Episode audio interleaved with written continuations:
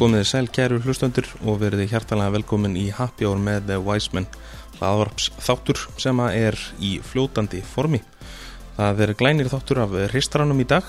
Í hristaranum fáum við eh, auðvitað til okkar bestu barþjóna landsins og hristum úr þeim allan fróðleik virkilega spennandi þáttur í dag sem er í bóði GS Import að sjálfsögðu.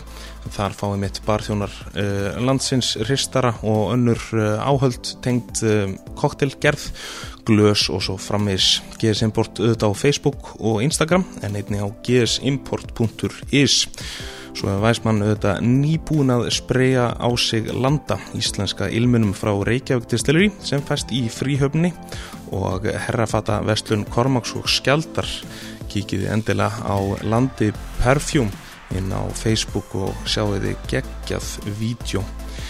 Væsmann er svo líka nýkomin úr klippingu hjá Þoppa á Reykjavík Herr í Borgatúrnu og þar er gaman að segja frá því að 10% afsláttur af klippingu og vörum fæst á Reykjavík Herr ef þið segið að Væsmann hafi sendt ykkur þangað. Tjekkja á Reykjavík Herr á Facebook og Instagram. En uh, þá er að sjálfsögðu mál, málana, það er hristarinn, hárprúður og vel ilmandi allar væsmenn að fara að koma sér pyrir nú eh, gestur þáttarins er einstakur metnafullur og almennt eh, að mínu mati einn mest spennandi barþjóð sem verðt er að heimsækja þessa dagana. Það geriði með því að fara á Sumac Kitchen and Bar sem er eh, á eh, laugarveginum Á bakvið barinn á Súmak hefur gestur minn í hristaranum unnið hörðum höndum undanfarnar vikur við að útbúa einstaklega spennandi drikki með brögðum sem hafa lítið sem ekkert komið við sögu í barsenu Íslands áður. Hann er nýkomin heim frá London þar sem hann vann á nokkrum af þekktustu og flottustu börum heims og öðulegast í leðinni dýrmæta þekkingu og reynslu sem væsmenn ætlar að hrista úr honum. Takk ég vel á móti. Leo Snæfeld. Þakka þér fyrir The Wise Man. Þakka fyrir. Hvað segir þið? Er þetta ekki hressa? Ég er hress. Ég er alltaf, alltaf, alltaf hress. Nákvæmlega. Þér er ekkert annað. Nei, það er nefnilega bara eina viti sko. Það var ekki bara að brosa? Jú. Sagði ekki eitthvað, ef þú smæla fram inn í heiminn þá smæla heimur fram inn í þig? Var ekki einhver, einhver wise man sem sagði það? Jú, ég held það. Megas aldrei Herðu, hérna Byrjum aðeins svolítið bara á byrjunni Hver hérna, hver er Leo Snæfeld? Hæ Ég heiti Leo Steinfeld Pálsson Og ég er barþjó Já. um, Ég er bara eitthvað smástrákur úr hafnafyrunum Sem að Átti ekkert marga vini og Ég átti samt fulla vinum Já, já, og bara hafði gaman sko, hafði gaman í lífinu og síðan einhvern veginn náði bara inn í brauð og borða mat og var hann feitur og síðan var ég grannur og þú veist bara allir pakkin, það var fínt. Já uh, Sko, þú fórst aðeins öðruvísi leið í svona áttþinni að barnum heldur en uh, margir aðrir og svona því miður færri svona sem velja þessa leið. Uh, í raun fórstu nákvæmlega sem leið og, og væsmenn sjálfur þar sem að þú nefnilega ert með sveinspróf í framreiðslu. Heldur betur. Og að líka svo sem hægt að, að segja að þú hafir bara lært þjónin svona, þannig að fólk svona allir skilji, skiljur Jú, og það er líka alltaf fyndi sko, þegar ég var að byrja í því þeim pakka, þá fór ég eitthvað svona fór hún á baðarinn og eitthvað svona ú, þetta er ekki ekki sendlegt Já, það var framræstu meistar minn og, og þú veist, fólki sem var að vinna með þú veist, það var svona, já, þetta er töff en þetta er ekki svona steady job, sko, þú veist. Þú ert að vera þjótt, þú ert að vera framreistu maður og séðan þú ert að vera framreistu meistari já, já. og það er rauninni var ekkert mikið að vera íta undir það að maður fara á barinn, sko. Nei, Hvað, er- er langt síðan þetta var? Ef við fyrir bara, svona byrjum á byrjunni þegar þú, þú byrjar að læra til þjóns. Akkurat, það er á, 16 ári, held ég. Jú, Já. það er 16 ári. Það byrja ég í mentaskólanum með kópaðinu og tek grundir þetta já, sem maður læri, þú veist, þjónin, kokkin bakaran og kjötina að mannin sem að ég held að það sé þetta búið að loka þeirri deilt núna. Það er þessi búið að opna þér er búið að opna Já. aftur, nei kvýran sko. Fagnar því. Já, fagnum því. Þannig að ég var byrjað þar og síðan fekk ég þar í gegnum gegnum mentaskólan sem sagt uh, vinn í blá lónu Já, sem að er náttúrulega bara frábær stað alltaf að læra á og uh, var flottur og er flottur. Já. Ja, ég veit ekki, ég er samt ekki búin að fara semst tvö ára sko, Það heldur betur gerst á árum. kom með eitthvað hótir og okkar Já, um, já, fer upp í Bláðalón og læri í rauninni bara þar og Mhm. þú veist, til þjóns og ætla alltaf að verða, þú veist, som ég ler líka til að byrja með. Já, en síðan, þú veist, þá fór það meira bara út í barinn sem að er alltaf bara miklu skemmtilega já, finnst mér alltaf ok. Jú. Þetta er, ég svona þekki sjálfur mig svolítið í, í þessari sögu líka. Af því að ég er náttúrulega lærið þjónin sjálfur. Og svo svona sérhæfingin hefur kannski komið meira í, í hérna uh, í því á bakvið barinn. Mm. um, sko alltaf að vinnubröð alltaf að vinnubröð, þannig að það læri þar upp í skóla já, mér finnst það svolítið svona mikilvægt líka að, að, að barþjónar læri læri svona rétt vinnubröð og, og, og það er bara gott í raun og veru að hafa sveinsbref í, í framrýslu að læra þjónin já, það er alltaf ekki verið kantinum Nei, nákvæmlega. Og þá er maður svo sem með náttúrulega einhverju diplómu og Akkurat. nám. Akkurat, ég held að það sé betri grunnur heldur en að vera pípari. Já, með fullir virðingu fyrir þeim. alltaf vinningu fyrir þeim. Það er allavega nóg að gera er reyndar, reyndar. uh, Hérna hvernig uh, kveiknaði áhugin á sko veitingubransanum og, og þjónastarfinu svona í heldina Hvar, þú, þú fer, nefnir að fer þarna í grundheldina já, semst fyrir það Já. sem var ástu skemmtilegt. Ég semst byrjaði að vinna rosslega ungur fór upp í krónuna því ég var 12 ára. Já, breyfana þannig, það er náttúrulega úralegt að vinna svona ungur. Já, en ég er náttúrulega bara harður á því mætti leiði jakka með, þú veist gel í hárunu, bara alltaf mikið gel greitt aftur og bara, hæ, ég sé að kærnar ykkur eru alveg, algjöru séti þannig að vil ekki að ég bara lægi það fyrir ykkur. Og þeir eru eitthvað, já, það er alveg pæling sko, þetta var sko miðvikudegi alls og síðan miðvikudegi nákvæmlega mánuði setna og ringi aftur í og bara, ég er ekki múin að heyra frá okkur þannig að er ég að fá vinna ekki? Eða er ég að fara eitthvað annað þeir eru eitthvað, "Ö, já, þú bara, þú bara kemur þarna, þú kemur bara í, í næstu viku. Bara, "Ok." þannig fekk ég vinna í krónunu og það var svona í rauninni byrjaði þjónustulöndin og þú veist, þú nota rétt orðaval og hvernig á að meðhandla þú veist, viðskiptavini já, í rauninni. Lærði mikið af segja njóttu dagsins ekki eigðu góðan dag. Já, njóttu dagsins, nákvæmlega. Það er íslenska. Notið þetta Og það er svona í áttað í ákveðinu líka? Akkurat, akkurat. Og síðan í rauninni, þú fór ég í grundeituna fekk vinni í blá lónu og þá hætti ég bara í krónunni. Það er rauninni svona, þetta byrjaði svona allt þannig þú veist, þetta svona var alltaf að enda í því ég myndi verið í þjónustustarfi. Ok, þú veist, Þú- þú ert náttúrulega, ég þekki það eins Þú ert hérna svona opinn og skemmtilegur Og það var gaman að vera í kringu þig. Í stundum, stundum. Fyrir eftir hvað ég þekki eða ekki. Já, ég er greinlega einn af þeim hefnu já, Nákvæmlega. Eh, Hérna, hvenar er þetta sem þú byrjar að, að læra til þjóns? Það, Þú er búin að vera þá í bransunum hvað, í hildina í 5, 5, 5, 6 ár 6 ár, sex ár. já. Já, ekki, jú, ok. sem 16 Já, nákvæmlega.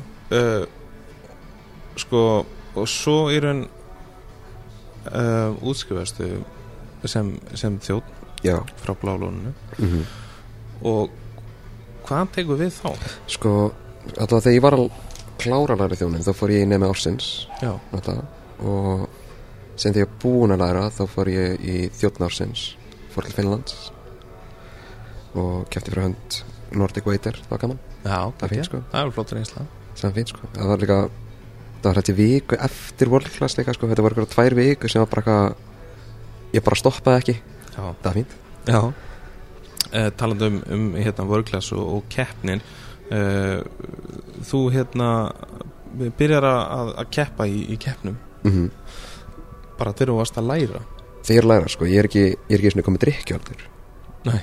sko, það, ég, ég sko í sendin held ég, það voru eitthvað tvær keppnir hvort það hafa verið hot hot í keppnin Já, fyrir einhverjum nokkrum árum sem að ég sendi inn drikk sem var bara ræður þannig að það var alltaf áfengur og það var bara, bara ekki og eflaust, eflaust hefða til einhvers samt. Akkurat, það er eitthvað og hérna síðan sendi líka inn drikk í Amarúla keppnin en ég mátti ekki keppa, ég þurfti að fara á vaktinni fyrir það líka síðan ég að fyrsta keppni sem ég hef svona tekið þátt í þú veist það sem ég fór á svið ég held að það hefur verið Jim Beam keppnin. Já, þegar voru held ég ykkur 50-60 keppndur já það var hann að stærsta það var Jim Beam sterakeppn sem var haldin Já, Það sterakeppnin. voru held ég bara 90 þáttingur Já, ekki, þú veist, það var eitthvað rugl sko. Já. það tók líka bara fjóru tíma Ég man að ég var hérna, gaman að segja fyrir því að þá var ég í sko minnir að hafa verið uh, 47. sæti hvert ég Þannig. Þú ert örgulega herri nýja þetta, ég var í 77 eða Nú, eitthvað já, já, já, já.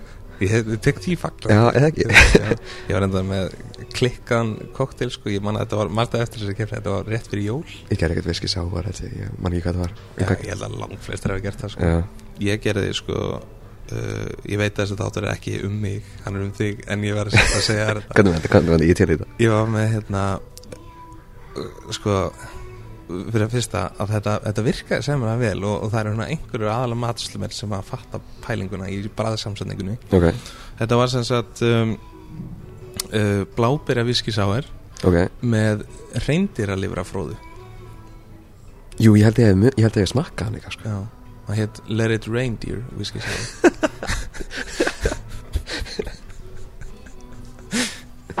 ah, Ónöfn, það er já. frábær Þetta er Ég- snill, sko já, gaman að þessu. Uh, Síðan hérna síðan sem sagt uh, kemur World-Class hana jú, inn í þetta. Uh, Það var nú uh, skemmtilega reynslað ekki?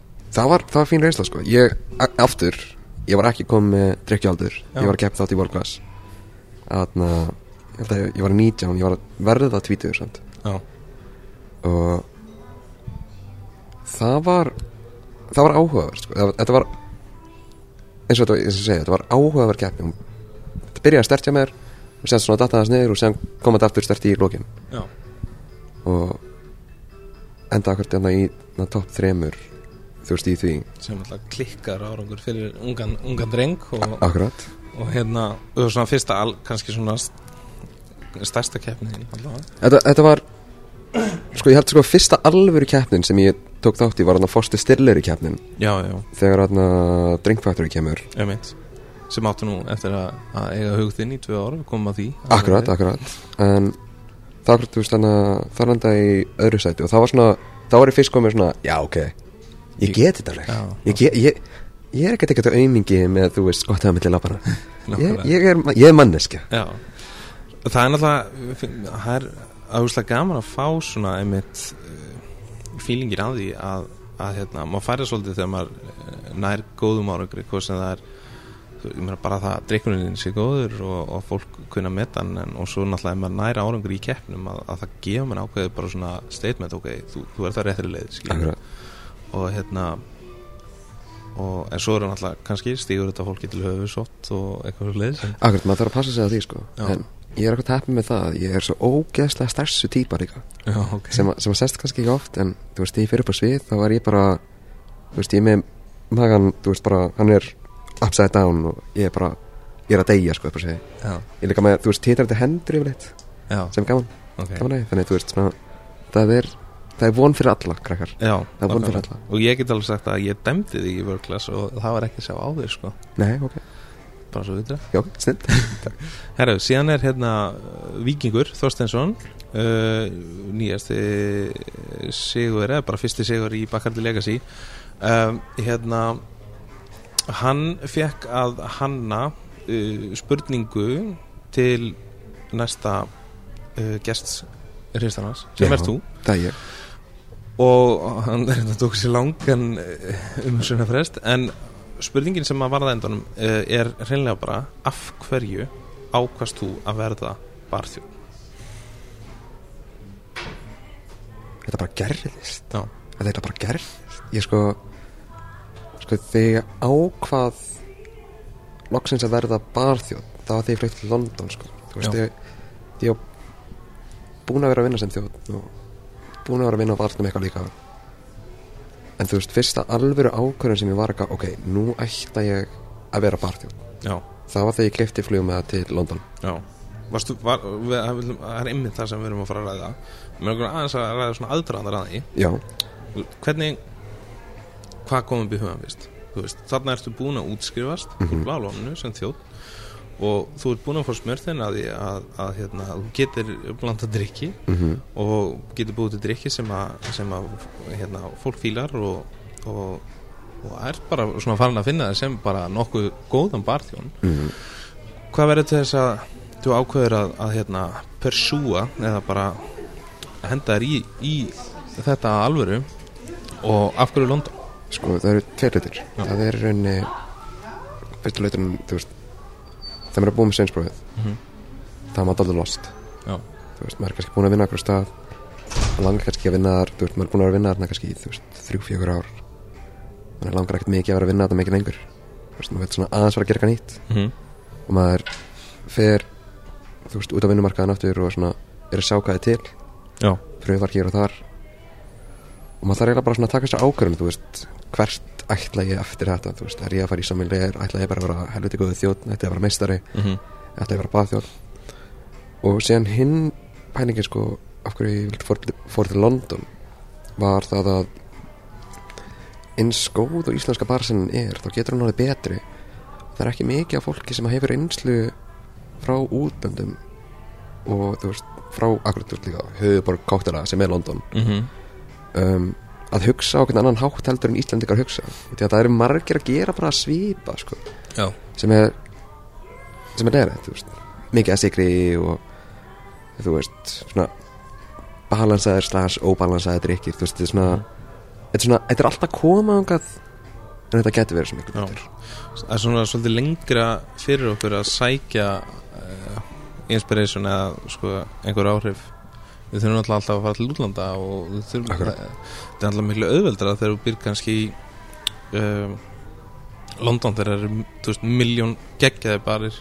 Það er ekkert langt að stökka því til eh, veist, Parísar, Berlín eh, veist, Danmark, veist eitthvað svo leiðis, þannig að þú veist, þú ert miklu nær einhvern veginn svolítið eh, eða það sem, það sem að stærstu hlutnir er að gerast sko. sko, þú, ert- þú ert nær þú ert bara nær þú veist, umheiminum og séðan þetta líka bara þú veist, flugið kostar ekki neitt. Nei, ég, ég var að borga held ég þegar ég fór ég til Amsterdam þá var ég að borga hvort það hafi verið 40 pund fram og tilbaka og ég bara með bakbóka þú veist ég var í vik þetta er bara svona þetta er, þetta er eins og að kaupa sko strætóferð frá aðna frá Keflavíkurflugvelli þú veist neyri Reykjavík. Já. Þú getur að fara í roadtrip fyrir eina fara til kemlaug akkurat, akkurat. Þetta er ekki neitt sko, þetta skýtur bara ekki Já, ok um, En þetta er náttúrulega bara alveg satt sem hún að segja og þú ert náttúrulega í kjöra aðstæðuna nýjórum hvað, títugur? 920 og bara akkurat á, á hérna já, bara ef við setjum þetta í samhengi við fótboltamann þá áttu Mm. svona á, á þeim svona, þá áttu að fara úr því að verða efnilegur og, og komast í, í stærri stærri deild, Mhm. skilur þannig að það er svona svipið hugsun. Akkurat. Og þú hérna fannst það í, í London. Hvernig byrjar, byrjar þú byrjar að hérna að skoða þau um og finna staði já, ég semst bjóða hosteli í 14 daga. Já. það eru mest stressandi 14 dagar sem að ég hef upplifað á æfið minn held ég. Ok, og því að ég var ekki með vinnu. Já. ég var að sækja um að fulla stöðum. Og ég vildi, veist, ég vildi fara á staði sem að voru stórir, mm þú veist, á top 50 Já. en sem þú veist þegar ég er búin að vera hann í viku þá var ég eitthvað, ok, kannski fer ég á aðra staði líka. Já, en mér finnst áhugavert hvernig þegar maður er að sækja um vinna þarna úti og því að þú veist, ég er náttúrulega lærið framherslu maður búin að fara í ykkur keppnir yfirnum sem var þjóð eitthvað svona smá. Og ég kem með, þú veist CV mitt og er eitthvað, já, hérna, ég heiti Leo vil þá að vinna hjá ykkur. Og þau eru eitthvað, já, hérna lesa CV-ið henda í rusli og segja eitthvað svona, já, hefur unnið í London áður? Ok. Og ég bara eitthvað, nei, já, kallra þannig að við mælum með og farir á þannig að skýta bara hérna og vinna fyrst eitthvað svona, þú ert bara að gera þig tilbúin fyrir London. Um, það er bara það það var ógslag stressandi og það var ógslag mikil bömmir sko að fá svona bara svona hreint í andliti já, en síðan, hvað, 14. degi þá fæði ég skilabóð frá Drink Factory. Já. Og þeir eru eitthvað, já, Untitled nýji barinn okkar sem var búin að vera opinn kannski eitthvað halvt ár þá. Hann er að leita að einni stöðu ef þú vilt tjekka því og ég tjekka því tek pröfuvakt fæ uh, vinnuna já, bara eftir kvöldi og síðan kemur yfirmaðurinn sem var á þeim tíma Kristína Snæder, hún vinn í á Bíbendum núna úti. ok. Hún svona, þegar ég lappa út svona horfa hún á mig og eitthvað, já þú stóðst þig ógstæði í kvöld. Um, CV-ið þetta er shit. Ég hlóaði því ég las það og ég bara eitthvað takk fyrir það, takk fyrir það. Og lappaði bara út. Það er bara þannig. Það er bara hann sko. Ok, og hvað gerir síðan? síðan bara, er ég bara komin í fulla vinnu á Untitled. Já, og það er rauninni bara byrja bara nýr heimur sko. er það ekki? Þetta er bara nýr heimur. Það er heimur sem ætlum aðeins að fara nánar í. Sko, byrjum aðeins á bara hvað er Drink Factory?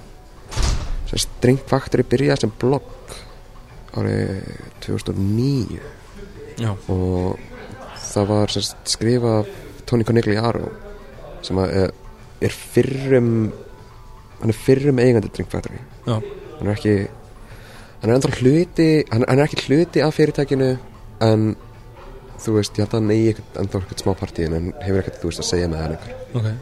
Um, og hann byrjar þetta blogg og er að spyrja fullt af spurningum um þú veist, spyrja spurningar um þú veist, matarslugerð hvernig á að infjúsa bróð litir, þú veist hefur, hafa litir áhrif á bróð Já, um, svo maður sem að hugsa vel út fyrir ramman mjög vel, mjög vel. Um, og það var bara svona fullt af eitthvað svona þannig svona, þannig spurningum sem bara enginn var að spyrja. Nei, sem kom hann líka með uppskriftir og eitthvað.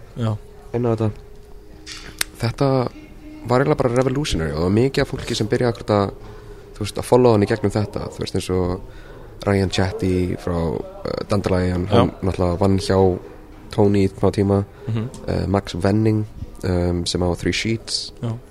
Þetta er náttúrulega allt frábæri barir. Uh, Svo er það kannski að nefna að, að Tony Conigliaro eh, var náttúrulega kemur úr smiðu Dick Bradsell sem, sem að er auðvitað svo sem að bjóð til Espresso Martini. Nákvæmlega, nákvæmlega Ok, uh, þannig að þetta byrjar sem blogg og sem blogg. verður síðan bara fer meira út í bara það sem að nafnin gefur til kynna svona Drink Factory er að búið til á svona kannski svolítið öðruvísi drikki Akkurat, þannig að þetta byrjar á 69 Colbert Row þar sem þeir eru að taka þetta er raunin svona fyrstu svona neighborhood, svona nice neighborhood ekki speakeasy en samt speakeasy bar í Islington sem Já, að þú veist eru að gera eitthvað aðeins öðru í þessu þess að taka klassika kóttela og eru að tvista þá Já, að í rauninni gera á þú veist þeirra eigin. Um, og okkur að töksa út fyrir ramman þegar þeir eru að gera sitt eigin já, þeir eru raun svolítið svona eins og ég vita að þeir eru svona rífað og alveg gjörsanlega eins mikið í sundur að þið geta. Akkurat, og svo setja það saman á einhvern geggjaðan hátt ekkert sko. farlega nátt sko, en samt alveg þátt sem svona meikar alveg senn sko. Já, akkurat, akkurat, þú veist, við vorum með sko, held að frægasti kóttelin frá þeim er atna, The Prairie Oyster. Nákvæmlega. og fyrir þá sem veit ekki hvað Prairie Oyster er þetta er svona, svona hangover cure Já.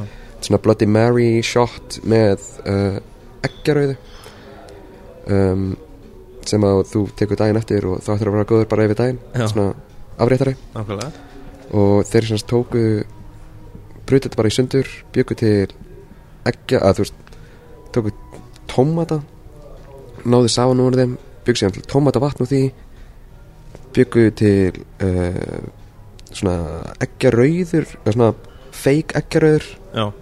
Og síðan settu þeir það í svona að með þú veist, horseriders vodka og eitthvað svona fleira stöfi og það í rauninni tekur sem skot. Þannig að þetta verður bara svona the prairie oyster shot. Mm og þegar fólk horfir á þetta þá er þetta bara, er þetta ekki rauða? og þetta er eitthvað, nei, nei, nei, nei, þetta er tómatsafi já þannig að ekkert er í raun og veru tómasafi ekki rauninni tómatsafi, steikt en náttúrulega klíkað akkurat. Um, það er Kolbruggró ég hef sjálfur farið ég, sko það eru náttúrulega nokkrir barir hérna, undir þessum hatti. Við, við nefnum hérna Kolbruggró ég er búin að fara þangað. Mm og þú veist það er bara geðveiku staður. Frábær, og Þetta bara, klálega uppáld þetta er allavega í topp 5 börum hjá mér í London. Já.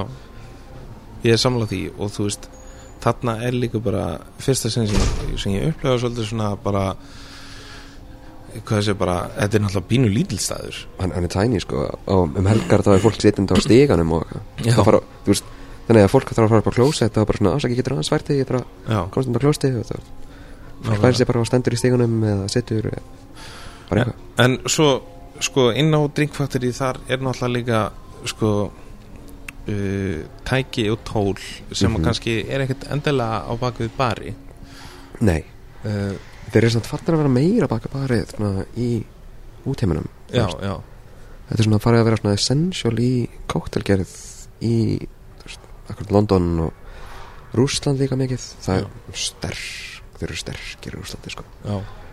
Og þannig þú veist, það er ekkert Thermomix sem er náttúrulega nota bara í eldhúsi. Já, um, sem að fyrir það sem veit ekki hvað Thermomix er þá er það um, svona blandari nema það er líka hita unit í því þannig að þú getur hita upp vökvæði. Mm þetta er reyna bara fullkomið. Já. það er ekki að setja pott og sen setja í blender. Já. setur þetta bara í Thermomix. Ok. Um, mikið að nota uh, sous vide að vakumpoka um, veist, áfengi með bröðum um, elda á lágu um, náttúrulega þá fer náttúrulega áfengi ekki í burtu. Nei, þetta er náttúrulega undir loftheimtum uh, umbúðum. Mm -hmm. og síðan vorum við með Centrifuge Rotavap og sem fullt af bara svona absolute concentrates oleum sem bara stilt að nota. Já, já. Uh, Tölum aðeins um, um það, sko, Centrifuge það, það er vist sko það er vist talið sem sko skilvinda. Skilvinda akkurat íslensku íslensku. Uh, það er raun er dæmi sem að þú getur þetta er náttúrulega mikið nota bara inn á læknastofnunum þess að skilja að þú veist uh, já bara blóð en kannski bara helst að þú getur skilið blóð, þú getur skilið þú veist bakteríur, atóm, Já, bara allt sko kannski í bar heiminum er, er svo sem ekki að vonandi ekki, við erum ekki að skilja blóð en, þann, en þarna erum við að tala um hérna kannski, þú veist eins og að tala um að clarifya akkurat, skilur við þannig að þú getur hvað tekið lime juice eða bara í raun hvaða vöku sem er og búið, gert glæra vöku akkurat í rauninni, í rauninni. Og sko þetta er rauninni hraðasta leiðin til að gera vöka glæran.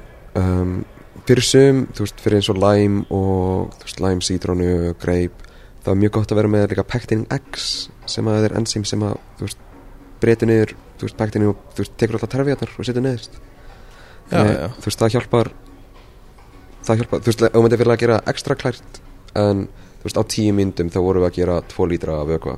Já, sem að þú veist, ef þú værir að þú veist, gera glæran safa hérna á Íslandi þá myndir þú kannski hvað hendur sinni fristi og henda þessu, hvað, hvað heitir þetta uh, cheesecloth. Já, nákvæmlega. Veist, bara svona lá- síu, akkurat sí og sé- síuglút akkurat og Ekki- leifa að þina þannig, þú veist. Fólk myndir kannski gera eitthvað neginn þannig. Já. En það vantar svona tæki á Ísland ég. mm um, og séðan hvað, hvað segir líka ég segi, Uh, Rótovap, Rótovap, það, það sko fann ég út að heitir Hverfi Eimir. Hverfi eimir ég Það er ekki skemmtilegt þetta það er geggjað þetta er geggjað. Þarna er við raun að endur eima vökva. Já, það er einhvern sem uh, sko barir út í London eru yfirleitt ekki með eða bara bara út í heimi eru yfirleitt ekki með leifi til þess að búa til sitt eigi áfengi. Mm -hmm. en þeir mega akkurat endur eima áfengi. Annarkvæmt til að ná bróðum inn í eða gera það bara hreitna hvernig sem það vil um, Já, og þetta er eiginlega bara þetta var notað rosalega mikið hjá okkur. Við vorum með tvær vélar, reyndar ein var hún var að bilu í svona þrjá mánu eftir ég hætti hún að þetta er semst Rachel og Pris fyrir þá sem að hafa hort á Blade Runner. Það var þetta aðalast stelpunar í Blade Runner fyrstu myndinni. Um, og já, í rauninu, við notum þetta fyrir hrein bröð þú veist, þú getur verið að setja hvað sem er í áfengi en þú veist, ef þú vilt fá þú veist, akkurat kannski sem veit ég, Horsræris eða piparót já, pipar, piparóta vodka. Ef þú vilt fá hreinan piparóta vodka þar sem að er bara þetta bragðast eins og piparót Hm. þá setur það í einmynditæki Já. það er bara, það er ekkert kjæftæði Og þá er raun bara að fyrir þetta inn í einhverja kúli Þetta er náttúrulega ekki að skoða þetta. Ef En- maður skrifur bara Rótovap á YouTube eitthvað þetta. Þá sé- fer það inn á öðrum stað á samt hérna á samt ráfnu og í rauninni þá erum við að taka taka lofti í burtu og droppa þrýstingnum. Þannig að það er að þannig að það gufar upp á læra hitasti og við vorum að nota 40 gráðum. Þannig að það gufa allt upp á 40 gráðum og sem fór það inn í semst, semst upp með kúlu með þessum vöka sem er í vassbaði sem er að, og það er að snúast. Sem fer það í leiðslu sem fer upp og þar er kæligræja eða þú veist rör með kæli vöka um, við vorum með hvað, mínus 20 gráðu þú veist kæli vöka sem var bara eitthvað rugl sjúklega dýrt, ég held að Tóni hefði fengið það frítt líka. Þú veit, þú veist, hann er svo ógslagaður í að fá eitthvað svona veist, high five, þú veist, gera eitthvað í eitt event og sem high five og sem færi hann eitthvað. Já, ok. Eitthvað ekki þetta. Um, Já, það er sem þá fer akkurat gufan þar breytist aftur yfir í vöka og dettur niður í flösku sem að er undir því. Já, og þar færðu reyna vöru í rauninni. Já. Og þá bara produkti sem þú alltaf er búið til.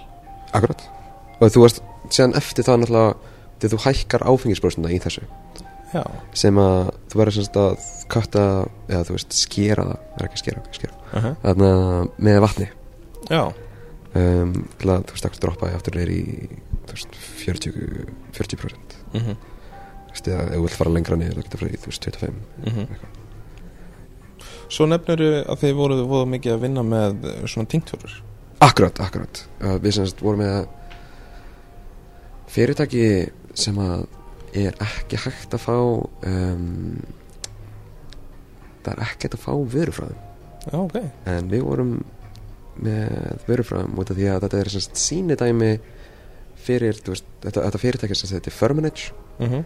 og það uh, vinnur að búa til bráð fyrir, þú veist hvort það hafi verið Coca-Cola, Peroni um, þú veist, síðan fullt af einhverjum snakkfyrirtækjum uh, Monster líka held ég. Jú, þeir voru eitthvað að vinna með Monster vörur um, og síðan fullt af illatæm, þú veist, fullt af þú veist, líktum í illatæminu þegar það er að búa til svona svona fake svona synthetic, þú veist, já þá fyrir fólk til þetta fólk. Svona öðu tulett einhver hlutis Já, að semst, það fer þú veist, ef það segjum að vandi kannski ég veit ekki út út er uh, viður sem að um, er með rosalega svona mikla svona leður lykt í sér og það er rosalega dýrt að fá út því að þetta er svona, held að minnur að þetta sé mikla sem gerist í trénu og þetta gerist bara í einu og hundra trjám eða eitthvað.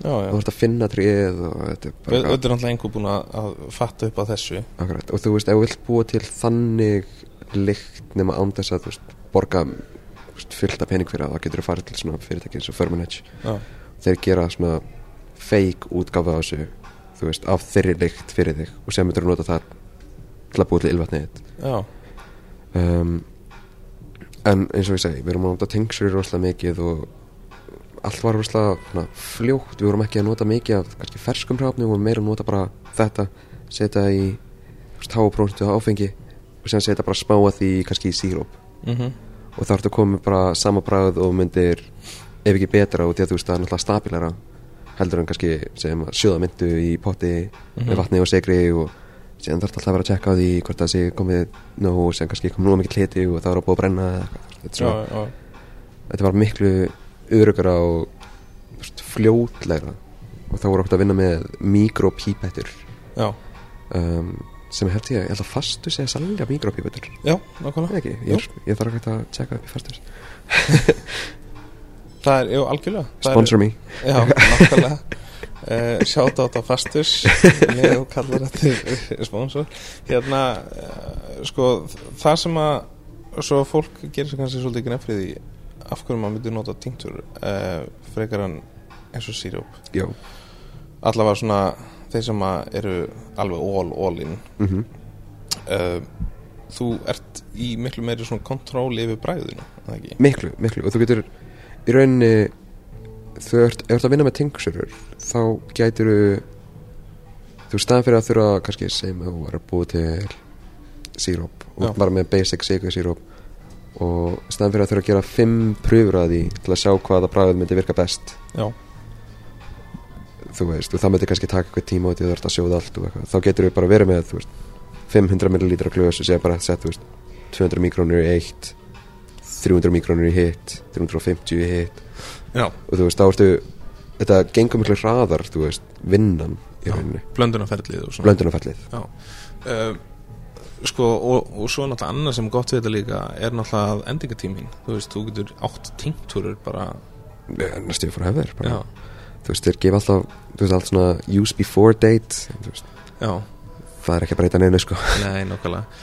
Og þú veist, samanbæri með eins og sko Þú veist, ef að maður myndi setja sírup á markað þá þarf það alltaf samkvæmt einhvern reglugerðum að vera með, með hérna, einhver ákveðin magna sigri bara til þess að þú veist eh, upp á endingatíma og þess áttar mm og það kannski tapar svolítið bræð á því skiljur -hmm. Þannig að hérna að því að þú veist em, sem svo maður gerir til dæmis bara basilsíróp þú myndir miklu frekar gera það þú veist uh, svona fest síróp skiljur þannig að þú Mm. myndir uh, þú veist það er ekkert jafn gott uh, þrem, fjórum, fimm dögum eftir á. Akkurat, akkurat. Þa, Það er nefnilega líka það er máli sko. Þú ert að, þú ert komið óljur, þá getur þú fengið sem óvart með basil. Já, Hvernig típa basil viltu? já, nokkuð Það er í rauninni, þá ertu að koma með kannski fimm mismöndi, þú veist, túpur sem að stendur allt bara basil og sem stendur, þú veist, basil 5072 T15 já, sen er næsta 5072 1715 Já. þú veist, þetta er svona þá ertu bara að koma með hvernig basil vil ég, já, þú veist, þá getur þú valið bara nákvæmlega það sem það vantar. Já, það eru til, sko, við vorum með akkurat eins og við vorum með samband við þetta fyrirtæki Firmenage, við því að Tony sem hann þjónaði, hann kom yfirmaðurinn kom ekkert um hann á 69 þegar Tony var að vinna þar. Já, og þeir ná okkur góðu spjalli um bröð og þess aftur og þessi gæði letur hann fá, þú veist, kortið sitt og eitthvað svona, já, hafa bara samtöðu mig og eitthvað vantar eitthvað. Og þú veist, hann er byrjað það og þú veist, það, það er enginn að fara að fá það fær enginn þetta. Næ, það, það fær enginn þetta kort í hendurna sko. og akkurat, þú veist, þau eru búin að nota þetta senstu tíu árin, þú veist, bara þetta er bara það er enginn, það enginn að fara að geta gert saman. Það eru náttúrulega til fleiri fyrirtæki sem að gera svipa, Mandy After er í bandaríkjunum, hún gerir, þú veist, bröð fyrir kokka. Um, síðan er eitthvað, þú veist, fleiri ilmóljur en þú veist, mikið af þessu er ekki food grade, okkur sem var málið líka, við gáttum fengið food grade óljur, já, sem var bara vottaðar ma sem var bara það er, það er erfitt að finna, sérstaklega það er erfitt að finna þær sérstaklega út af því að mikið af þeim eru dýrar. Uh -huh. og það er ekki til mikið magna og það er ekki, þú veist, mikið vera ít eftir nema þú stóri fyrirtækin. Já. Sko, talandi um eh, sko, að þið talar um hvernig basil viltu. Nú langar maður aðeins að, að hérna, opna augu fyrir fólki líka að, að þú veist maður getur kafa svo djúpt inn í þetta mm að tökum myndu til dæmis. Já, alls konar afbriða myndu og þú veist súkulega mynda er til dæmis til mm -hmm. sem er fáralegt Það er snellt auðvitað náttúrulega pipamynda sem fólk þekkir skilur en svo náttúrulega bara svona þessi hefbundna segja ríkismynda sem að þú kaupir bara út í búð uh, en það er svolítið gaman að skoða þú veist, bara googla hvað er mismunandi til mi- mismunandi afbreyði, mismunandi tegundir af þú veist, bara einhverju sem við höldum að sé bara eitt, ég meina appelsínur, annað dæmi. Akkurat, þetta er, þetta er svolítið svona skemmtilegt að, hérna, að fræðast um þetta svona fyrst við erum að tala um, um bröð sko. Og sem náttúrulega líka með veist, með olíunar þá ertu komið sko á hvaða pressu er þetta þú veist, ekstraktað þú veist, þá þú veist, kannski ef pressar þetta á þessu þá færðu þið svona bræð þú veist, þá færðu þið svona afbreyði af sem basilega myndu já, já, og ef þú gerir að þú veist, með nákvæmlega sömu myndu en þú ekstraktar kannski aðeins öðruvísi mm þá ertu komið allt annað bræð þannig þú veist, þetta er, þetta er bara já. og þegar við talum um að ekstrakta þá erum við að tala um náttúrulega bara að uh, að toga bræði úr ráfinu Akkurat, að tóka bræður á hráfnum þú veist, það er náttúrulega já, það er bara þannig. Hérna minni á að því við erum komin kannski svolítið djúpt í það að við viljum að, að verður þess að um, kíkt inn á, á heimasíðinu væsmenn.is og séð það er svona ítalegri uh, hérna umfjallurinn um einmitt þessi mál og uppskriftir og þess að þar uh, svo eru, það eru fleiri barir heldur en, heldur en Kolbjörg Róð það er til dæmis uh, barinn sem að þú vannst á uh, Untitled, en svo er náttúrulega barter mini barterming sem að hvað var sjötti besti bar í heiminum. Já, um, þetta er svona pínu lítill ítalskur aperitivo staður. Já, í Soho þar sem er rosalega busy. Hún heiti Bar Termini því að það minnir á svona Italian Terminal þú lestastöð, svona lestastöð þú, þú ferða það inn, borga pund fyrir kaffi, tvær espresso, þauður espresso og lestina hérna já, það er svona, það er fílingur sem þú vilt fá að já. ekki mörg sæti kannski. Og, og einmitt ég hérna satt náttúrulega fyrir þessastöru þegar, þegar Tony kom hérna og þau frá og Zoe og fleiri frá Drinkfactory hann tala um sko uh, bara til dæmis uh, þjónustustíð Mm. hafa lagt mi svona áherslu á að hanna það sérstaklega. Það, það er rugl sko. Að það ætti að vera í raun bara svona eins og þetta að fagna einhverjum uh, ættingi sem er með lestinni. Mm þannig að allir eru geðað ánæði þegar ég sjá þig og svo verða þeir rosalega hérna, svona sad og, og leiðir þeir á ferð sko. þetta, þetta, er bara- þetta er bara kór. Þetta er, þú veist, þú lappar inn og það bara eitthvað, hello, hello, how are you, good morning. Og þá kemur, þú veist, næsti þjóð þú veist, þeir, þeir eru kannski þrýra á vatninu, þrý, fjóri og þetta er bara kór. Þeir eru bara allir bara hei, hei, hei sem er, sem er snild og þú veist, það skilur eitthvað eftir fyrir fólk. Og kannski byrjar líka bara svona stemminguna fyrir það. Og svona, hei, þetta er svona, þetta er aðeins öðruvísi. Þetta er aðeins öðruvísi. Já. bjóst ekki aðeins við þessu. Nákvæmlega. Uh, og það er náttúrulega eins og segir svona ítalst um, dæmi, ég minna er svolítið svona film noir. Mm og svolítið svona já, bara svona eins og maður sér í, úr myndum á þeim, þeim tvei tímabili. Akkurat, þú veist svona líka þú veist, mikið tekið frá japanski þú veist, japanska myndir, japanski barir. Já, um, og akkurat eins og segir film noir.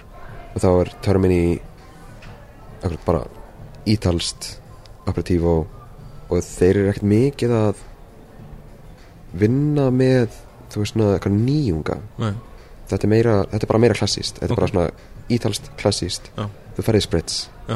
Þú ferðið negróni um, og þetta er bara svona ítalsk bróð uh -huh. ekkert mikið verið að gera þetta með þetta er svo vel hann svo vel hann ok, förum síðan í uh, hérna svo var náttúrulega hann að menju á Settle Townhouse líka. Já, við erum reyndar, þeir eru reyndar hætti með um, þeir eru hætti með uh, consultancy já, já. Um, hann þá bara förum þá bara beint yfir í Untitled. Jú, getur gert það. Er það ekki, jú, fólk getur bara að tjekka á, á hérna, Settle Townhouse ef að kæri sem akkurat, ég held að Matt Wiley sem, er, sem á skátt já, ég held að, ég held að hann sem er að taka yfir það. Ok, Untitled. Untitled. Í Þetta- það. þetta er barnið mitt sko. Það? Þetta er barnið mitt. Ok, ég bara þegar, þegar ég var að hætta núna fyrir hvað, tveimum mánu núna þá var ég elsti starfsmaðurinn þú veist, ég er búin að vera þarna allir sem var búin að vera með mér já, sem þegar ég byrjaði var allt farið eða þú veist, farin á hina barina já, og ég var seinastur eftir last man standing. Ok. Þetta er ég, ég er svo þakkláttur að hafa fengið vinnu nákvæmlega þarna. Ok, því að þetta, þetta opnaði hugan á okkur allt öru stíði sem ég vissi ekki svona að vera til. Já, bara eitthvað, já, um, hérna, hérna er drikkur um, hann bræðast þess að snjór. Já förum einmitt aðeins út í hvað, sko, í óskupunum er í gangi inn á Untitled sko það, það er ekki bar. Nei, þetta er stórt steipiborð já, í miðjunni, þú veist bara í miðjunni og síðan á endanum á því steipiborði er bar station já, eða barstöð. En það situr ekki við barinn. Það situr á steipiborðinu ok. Um, og þetta drikkirnir þarna voru bara eitthvað á okkur öðru leveli. Ok, Lætur eitthvað fá drikk sem bræðast þessu snjór. Já, og þeir eru bara eitthvað, hvernig bræðast snjór?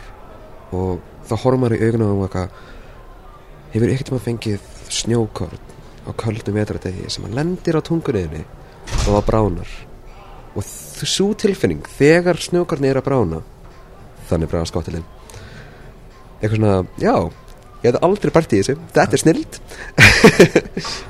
þetta er náttúrulega þarna er komin alveg verulega út fyrir akkurat, uh, en náttúrulega algjörlega uh, já, e, þú veist það þurfa svona bara að vera til klárlega. heldur betur. Uh, tökum fleiri dæmi. Um, það er til dæmis uh, Clay sem er hérna sem er kalkstein. Þa, það var, er það ekki það var ekki drikkurinn klei sem nota mikið, nei klei er leir, já, já, já, leir fyrir ekki Um, sem sagt þú veist, ég- rá, þú veist klipp, klippið þetta út bara. Já, já. Þannig að sko hráfni fyrir snow já, var leir kalksteinn mm. uh, og flint sem að, ég veit ekki hvað íslenska orðið er flint það er. stein eitthvað steinn. Og síðan var barónial sem að er sem afbreyði af kamfor sem að kemur af einhverjum trjám. Þetta var bara eitthvað Já, einhver svona, einhver svona burkni eða skóf. Já, eitthvað, eitthvað í þáttinu og sem var líka uh, Mósi Já. Líka Mósi uh, Íslensku Mósi, actually. Nú. Þetta það fengu íslenska, geftu eitthvað pakka af íslensku Mósa og Fjallagröðs kannski bara. Ekki fjallagröst, þetta var bara, þú veist, þetta var bara blokk af Nú já, ok. Mósa í kassa. Magnað. Sett alltaf fyndi Já, uh, og þegar ég sá þetta, það var bara, þetta er íslensku Mósi Ég bara, ég sé. Nákvæmlega. Uh, Hérna, svo var regn. Regn, regn var á 69 Það eru 69 það var 69 back in the day. Þetta er rauninni þetta er allt ein, sko þessir drikkir er alltaf einn seria, sko, það er terroir Já, það er rain það var Ariel, held ég líka. Ég er þetta að ekki smakka hann. Og síðan var snow. Já, og þetta er allt svona svona mineral tilfinningadrykkir já, svona á öðru leveli. Ok. Í rauninni bara búa, búa til sinn eigin flokk. Já, ekki vera að herma eftir öðrum. Næ, Þú veist, þetta er það er engin uppskrift til að fara eftir. Þetta var bara þetta var eitthvað nýtt já. sem er snilt Já, það er bara geggjað sko. Og það bara út úr kúpæling í, raun og veru. Akkurat. En uh, þið voru að para svolítið með matana þegar ekki, kóttila Er um, það rétt um mér eða? ne, ekki mikið sko. Við, við vorum með ja eh, við erum fyrir ekki, þeir eru, ég er ekki finningina lengur. Nei, Þarna- þetta er svo erfitt að segja þetta. Þarna, þegar það er japansku matur. Um, og þetta voru allt svona litli smádiskir svona næstur svona tapas, maður ekki kalla þetta tapas kokkurinn fíla það ekki. Nei. Þarna, svona já. Aðeins út í svona svona skemmtilega japanski diskir, ekki sushi samt, þú veist, þetta var og heldur ekki, þú veist, ramen. Nei. þetta var þetta var bara japansk bröð Ok, sem var tapas, en ekki kallað tapas. Ja, Japas skal ekki? Ég- Japas, Japas, hvernig, nýtt áð Japas, Japas, þetta var Japas. Bring Japas to Iceland. Já, hérna uh, uh, Þetta er að senda þetta út þeirra. Japas, ég er bara Væsmenn redda þessu. Við erum búin að gera definition á þessu. Ég ætla að af þessu. Uh, Ok, og þannig að þið voruð Þú tekur, nefndu mér fleiri dæmi um, um drikki sem, á, sem að voru þarna. Er ekki, við vorum með um, uh, Fiðla. Fyðla, já. Fiðla. Þá vorum við í rauninni bara búin að taka semst, drikkurinn Þetta var eins og að drakka viski Já, nema það var ekkert viski í þessu.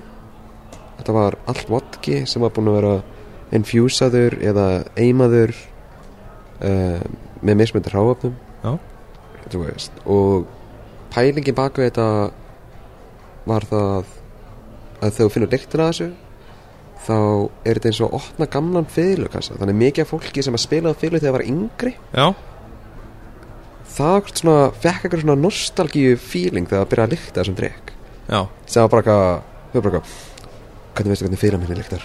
Eitthvað svona. Þetta, sko, þegar ég held að var ekki að koma með mér á óvart að gera það svona því að, sko, ok hverjum hverjum myndi þetta þetta í hug? Tony sko, Tony hann er okkur öðru leveli. Jésu, Og- það var ekki til eitt auka tekið þegar Fiðlu, já, Já. ok. við vorum með það sem vorum með uh, reynda fyrsti drikkur sem ég vann að þegar ég byrjaði er uh, steipa Já, auðvitað. Uh, en, en, enska nafni er concrete. Já, einmitt. En uh, á íslensku hljómar þetta eins og þetta er bara algjör steipa Já, nokkuð þetta hljómar miklu betur á, á íslensku í Mm. raun og veru, sko. Þetta er algjör steipa og það og því að náttúrulega við vorum með reystur steipu bara í miðunni Já, þannig að þetta þurftum að búa til drikk sem bræðast þess að steipa já sjálfsögðu. Hver hefur ekki, þú veist fengið sér Akkurat, eða þú veist, þú lappa fram Já, verkamönnum ég- ég- og það- finnur þú veist, fara eitt sopa af steipinu þeirra þú veist, eitthvað, er þetta ný steipa á kannunni? Nákvæmlega. Alveg, já. Já, Þetta er mynd ástæðan fyrir ég vil tala þig. Að fá hérna að tala, við erum alltaf bara komnir í algjörða steipu hérna. En Já, ok, hérna. kekja, hvernig hvernig hérna hvernig býr maður til steipu? hvernig býr maður til steipu? Um, bonsoi sojaðmjölk Já, um, smá af uh, rittin á þessar ræ uh, vodki sem að er flint og tjálk í jöfnum hlutfallum síðan er það infusa með Angelica Seed og Angelica Hvönn. Root hvaðna fræ, hvaðna rót síðan byrjuðu til uh, Poppy sem sagt, ég veit ekki hvað íslensk orðið Poppy er nei, nei, ég veit ekki eins og hvað það er. Þetta, þetta er Seed ég held að þetta sé þetta er svo sveipa á Birkifræ þú veist sem hún setur já, já, já, einmitt. Þarna, já, Poppy Seed Syrup mm og eggjagvíta Já. og fyrir ekki, líka sma, svartur matalitur má ekki glemma svarta matalitum mm -hmm. því að þá lítur þetta alveg út eins og borðið þannig að þetta komið á borðið? Það sér ekki drikkin já, geggjað. Þannig að já, þannig að ef einhver er að fara að byggja hús þá getur hann svo sem líka farið í þetta. Akkurat, akkurat. Það eru hérna til leifinningar uh, inn á bíko.is ég er svo aldrei þess já, ok. Uh, en hvað lítur að vera gaman að leika sér í svona vitleysu? Leika sér svona, þetta er snild þetta er, þetta er alveg snild sko. og þú veist, þetta er eitthvað svona þú veist, hugmyndi sem maður svona maður bara svona, hvernig helvutinu gerir maður þetta? Og síðan eru aðri drikki sem að eins og drikki sem var hannaður sem heitir uh, leður já, sem að líktar eins og leður já, en náttúrulega ekki með neinu leðri. Já. og þá svona fer maður að hugsa hvernig hvernig býr maður leður? Já, þá er akkurat allt annar heimur. Og því að vorum án að tala um þú veist að vera þjótt og síðan kannski vera vinþjótt og síðan vera barþjótt og mhm, hvað getur maður ef maður myndi vilja fara lengra, hvert Mhm. myndi maður fara? Þá er náttúrulega ylvatsheimur já, nákvæmlega. Ylvatsheimurinn er risa stór já, með fullt af bræðasamsetningum og þú veist lyktasamsetningum já, sem að þú getur fyrir að búa til bara alla landskotuna og þú finnur ylvat sem að eru að reyna að búa til ykkur sérstakalikt mhm þá getur þú bara hliti á hráfnislistan í því og skapa sama hlutin í rauninni. Já, algjörlega sko. Þannig að þú ert í raun alltaf barþjóð mm en þú ert orðin svona bræðkönnuður Já, er, ekki, er það ekki svolítið flott orð? bræðkannur er töffar sko. Ég það, Ég, ætla, að gefa þér þetta orð. Takk, Já. bræðkannur Ég ætla að setja á Instagram mitt. Þú ert bræðkönnuður Já. hérna frá Leo Er ennst, heiti verið þetta? Flavor Explorer. Flavor Explorer, Mhm. Taste Explorer, Já, þú getur verið hérna Dora the Explorer? Já, þetta kemur það Þú í gegnum þetta. Herði, ok uh, Eitthvað meira sem við höfum að segja um, um þetta. Þetta lítur að hafa verið bara geggjun að hafa upplöða þetta og lítur að hafa lært mjög mikið á þessum tveim árum. Þetta var rosalegt sko. Það er líka um, rannsóknarstofan sem voru með hún var í kjallaranum á Untitled í Já, já, allavega senast árið. Og í þeirri rannsóknarstofu þá er gerðir allt preppið fyrir Bar Termini og 69 og Untitled. Ok. Og ég var með tvo daga í viku sem ég var að veist, vinna þar að gera bara hvort það hafi verið einhverju, þú veist 50-60 lítrar af Negroni á viku fyrir Termini pluss meira stöf sem var bara rugl. Og einn drikkur, ef þú tekur það af Negroni þá myndi það vera hvað? 60 90 millilitrar af þessu? Nei, Nei, ekki eins og sko, við erum, vorum að gera Negroni þetta eru 50 millilítrar Já, þeir eru, já, og þú veist, við erum að við erum að taka allan Negroni og elda það í bassbaði og kæla það og síðan setja vatni í það og síðan setja leini efni í það líka, þú veist, að gera anda betri þannig að geggjað. Herðu, já, við ætlum síðan að fara hana overall. Það, eins og bara kemur fram þetta hefur verið því líka reynsla. Heldur betur. Það. Herðu, ok uh, við ætlum svo aðeins að fara betur í það hvað hérna þú ert að gera núna því núna ertu komin heim. Mm, ég er komin heim. Ég er komin heim, en uh, alltaf í bíli. Já, já, nákvæmlega. Uh, Sko Þú ert náttúrulega búin að hlusta á hinna þættina að sjálfsögðu. Auðvitað, alla, alla. Gera það allt í morgun á klukktíma Hérna, nú ætlum við að fara í svona random-spurningar Ok. Hvað er svona í uppáld hjá þér? Ok. Og það er svona ekkert endilega allt eins og hefur hinnum, sko. Mm Sjáum til. Eitthvað óvænt, -hmm. engi pressa samt, sko. Ok. Tilbúin í það? ég stressar Já, það er bara mjög gott. Ég, ég vill, vill það, sko. Um, uppáhaldskoktel þú Uh, þarf að narroa einn uh, uppáhaldskoktel Dakri Já. Uh, með Havana þremur og í, á ég gefa hlutfall líka eða? Jú, endilega hlutfall, ok uh, 40, 20, 20 nei, 50, 50 20, 20 Ok Já. Cool Þessu uppskrift verður síðan bara inn á væsmenn.is Já. uh, Vodki er, uh, Þú veist, hvað séum það? um, vodki er það hraðarspurningar? Ný? Nei, ok, fú, ég, ætla- ég, ég, ég, ég var hann það stressa Já. sko. ég var bara, hvað um, Það var gott Vodki- samt með koktelin sko Þegar þá kom það bara strax. Akkurat, ei, vodki, ég er rosalega hlutlaus þegar kemur á vodka því að fólk horfa eftir á vodka sem hlutlausan. Ég horfi á vodka sem uh, extraction til að ná í bröðin mín. Um, þannig í rauninni bara vodkin sem er á besta verðinu sem er ekki skítur. Uh, um, ég held að ég sé þetta með eitthvað samning við Reika þannig ég, ég segi um Reika Reika er uppáhaldsvodkin Já, ok. Herðu, ok uh, Gin? Beefeater, Það er beefeater. Beefeater, það gerir besta martíni. Ok. Við fyrir bara gin koktel Martini Já. Ja, Martini þur twist. Ok. Það er ekki átt að Twist, ekki ólífa. Ekki orða Why? Bara mér það betri. Já, ok. Það ég, ég er búin að borða þegar ég var á ég bara uh, Rom Róm? Uh, Havana. Já. Havana línan er bara frábær sko. Ok. Uh, já. Að þú veist allavega þú veist eins og Havana 3 gerir besta takkir í mm -hmm. stafni 7 er bara frábært. Mörg, mörg, mörg, þú veist þetta er, er bara svo stöðutur Plantation er líka frábært. Um, það ég myndi nota það veist, meira í tíkidrykki þú Já. veist, Plantation, ef ég er að gera þú veist reyna romdrykki þá myndi ég nota Havana Já. Lína Hvaða romkoktel er svona í uppáldið þér? takkir í náttúrulega. Já, fyrir þetta hann Uh, fyrir utan það. Um,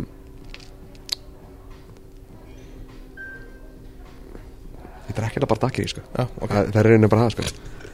Mál, delum ekki við það lengra. Nei. Tequila? tequila? Uh, Engin pressa, sko. Engin pressa. Nei. En samt pressa. Samt pressa. Uh, Don Julio er frábært. Já. Ég fylg Don Julio. Flotta flöskur líka Flotta flöskur. Um, Ég er eftir að smakka Það er svo mikið af tequilum sem ég er eftir að smakka Það kom eitthvað svona kreis af tequila. Já. Um, Þannig já ég, ég ætla bara Ég ætla að halda mig við Don Julio eins og er En það gæti, gæti breyst á næsta ári sko. Já Nei, anskuð Við höfum að smakka þetta. Já, Padre. Patri Þetta er eitthvað nýtt að marka mm Bara Rolf. Rolf. Shout out Herðu Meskal Meskan um, Ég smakka geggjað. Þetta, sko, Ég er, nefnilega- er ekki mikið fyrir meskal Til að byrja með. Mér finnst mikið að meskalum Allt og heavy. Já. Og þú veist Ég gæti kannski fengið mér þetta kóttuna En það er litt bara svona yfirgræða kóttuna mm -hmm. um, En Besta meskal sem ég smakka Þetta er Pensador. Pensador. Pensador, þetta er bara Þeir gera ekki mikið af flöskum. Og Nei. getur þetta- getur fundið þetta inn á heitir á Google. Inn á Google, Instagram Já. hvað sem er sko. Og þetta er bara svo miklu mikra og það, veist, það næstu bara svona grænir tómatabræða líka, það er snilt sko. Það er snilt um, Ertu viski með þér? já, svona ágætur. Eða þú veist ekki þetta mikið ég meira þú veist ég panta mér ekki viski en ég fæ viski að drekja Eitthvað sérst viski sem á myndir uh, mæla með eða, eða drekka fyrir einhvern annan? Uh, er það flokkur eða er það bara viski yfir höf Tökum bara skost viski í singlumalt uh, sko, Engin pressa. Ekki bara ég, ég veit það ekki. Nei? ég sko, ég ætla að eina viski sem ég svona horfi á hillunum og myndi panta mér væri þú veist nikka. Já. Veit ekki af hverju það er bara geggja næs. Já. Frá Japan. Frá Japan, Cool. Uh, Amerist viski amerísk viski um, Rittenhouse sem er ræ mér finnst það frábært. -hmm. og já mér finnst það frábært. Það, það er bara næst að þurrt sko. um, er þetta að halda ég hitta á okkur mann sem er á Makers Mark. Hann var á okkur fundum í ger, hann kom á, á barinn í ger ok, þannig ég ætla að segja Make- Makers Mark líka ef hann hlusta sko. nákvæmlega. Er Makers Mark er samt frábær sko, sérstaklega þarna 46 sko, já, Nákvæmlega. Mark 46 ég er búin að hérna, það var masterclassi með, með hérna, Jim Beam með um daginn og það á að skemmtilegt að, að upplifa Megasman ég alveg klára því. Um, líkjörar. Líkjur um, það eru til líkjur að lína sem fæst í í Breitlandi og í Fraklanda líka. Ég veit hvort það sé á fleiri stöðum ok, heitir Merley já, það er einn besta líkjur að lína sem ég smaka ok. Það er bara, bara góð bröð. Líka held að Tony hafi hjálpað með uppskriftuna því. Já, þannig að þú veist, þetta er ekkert kjæftæði ok. Me- Merley Merley, ok, einhverju svona af þessum old school líkjörum sem að þú heldur upp á það? Old school? Eins og Chartreuse eða Dom eða eitthvað svona? Um,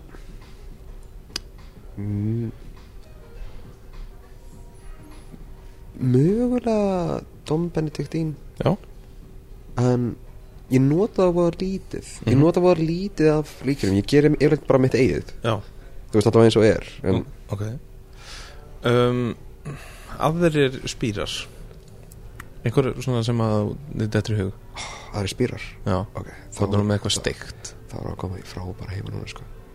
Um, sko soju soju er frábært. Ok, það er svona uh, hrískuna þú veist þetta er svona svipað á sake nema þetta er miklu sterkara og þetta er eiginlega þetta kemur frá Japan. Þetta er stert, geggja um, stert Síðan- að sinn, hvað er það að tala um? Þetta er 40% ok, þú veist, þetta er sterting já, já, uh, nei, þetta er 90% ég er að, ég er að taka skota 90% ykkur minnst þetta er geggja þannig að uh, ég sem alltaf að smaka þarna af að móri um daginn. Já, það er næs. Ok um, sem náttúrulega rum akrikól sem Já. að hefur smakað rum akrikól áður? Ekkert sem ég Þetta- man eftir eða einhverju svona eitthvað voða memorable sko. Þetta, þetta er sem sagt þú veist, þetta er sem sagt gett í Fraklandi Já. þetta er eins og rom en það er uh, sjúka svona restrictions þú mátt- þú mátt bara eima einu sinni mm.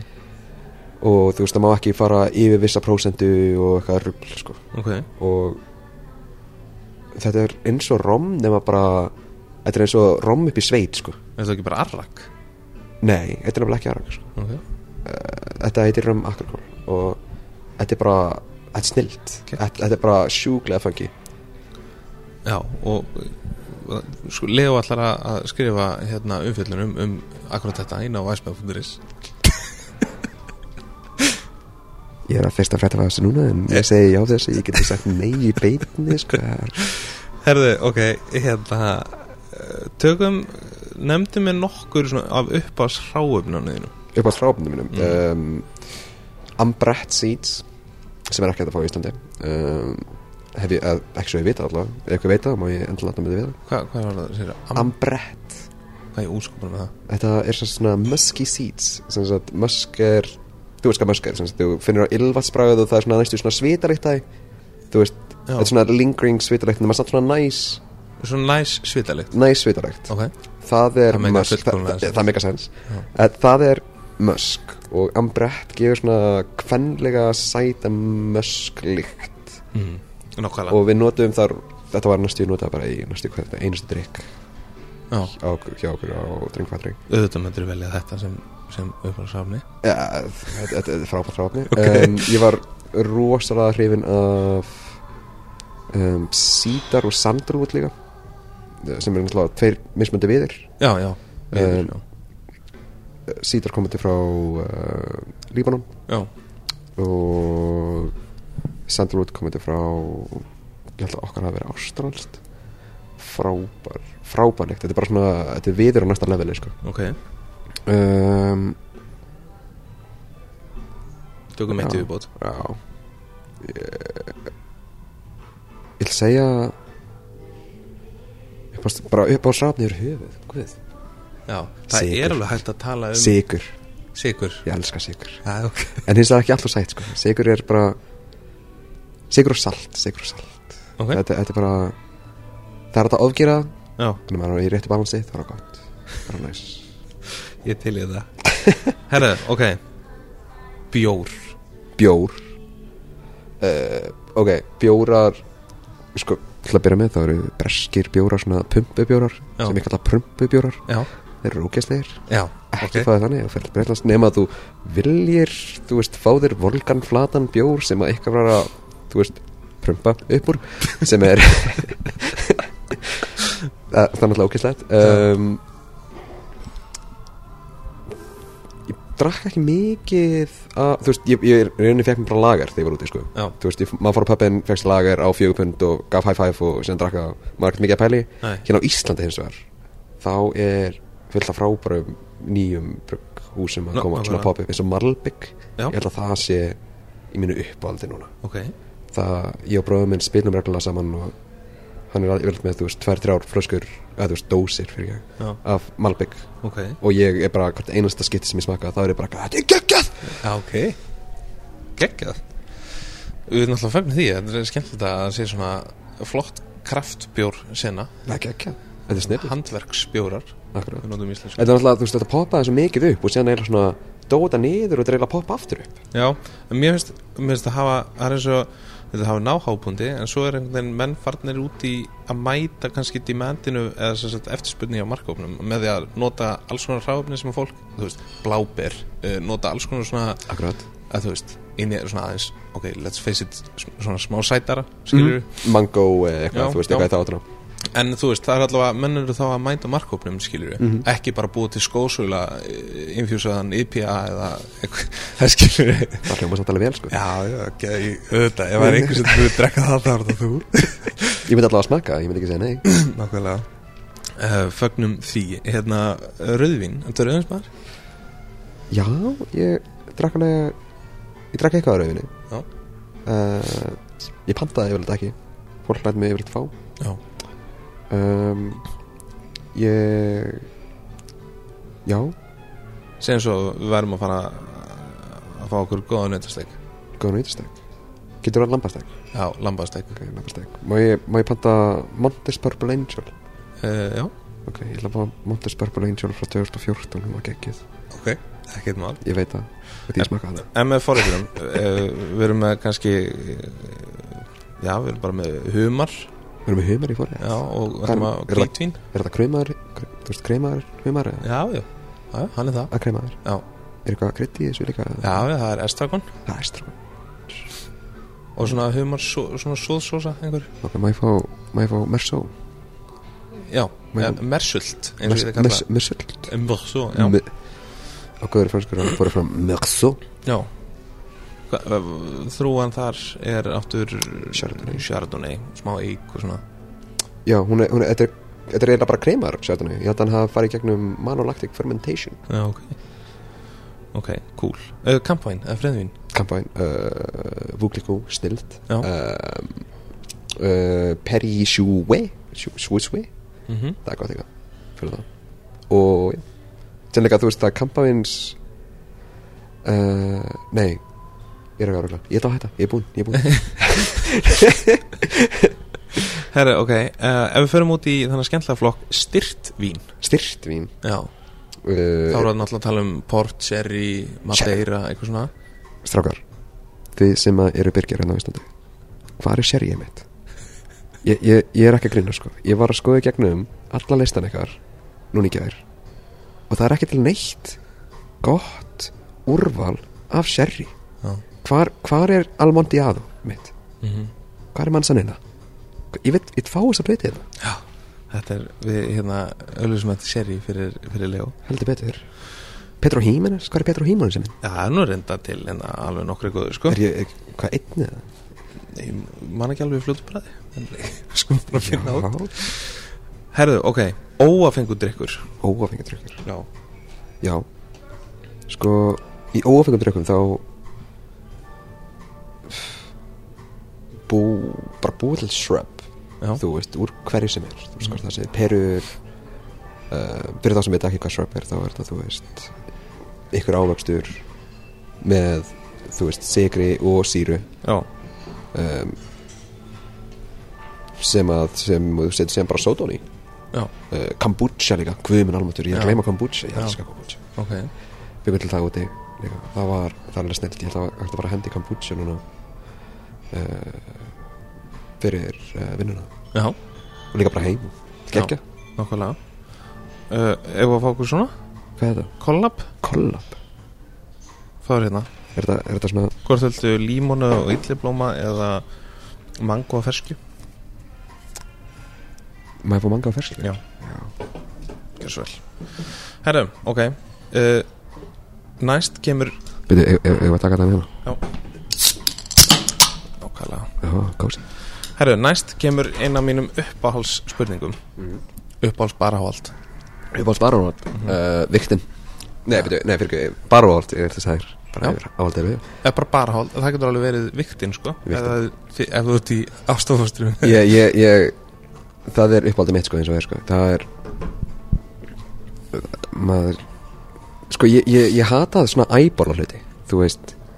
Eða sjá fólk æbóla hluti eitthvað svona smá þessu, smá á hinu. Já, það er bara það var bara rétt hlutvöld og þú getur ekki endurkert að þú veist ekki hvað hlutvöldin er skrifa þetta nýra á blað og mæla þetta allt út Já, og notaði viktina nákvæmlega. Hvað er viktin? Viktin, hún er mikilvæg.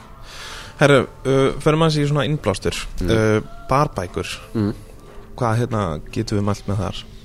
Um, allt frá Drink Factory Atma ekki sponsor.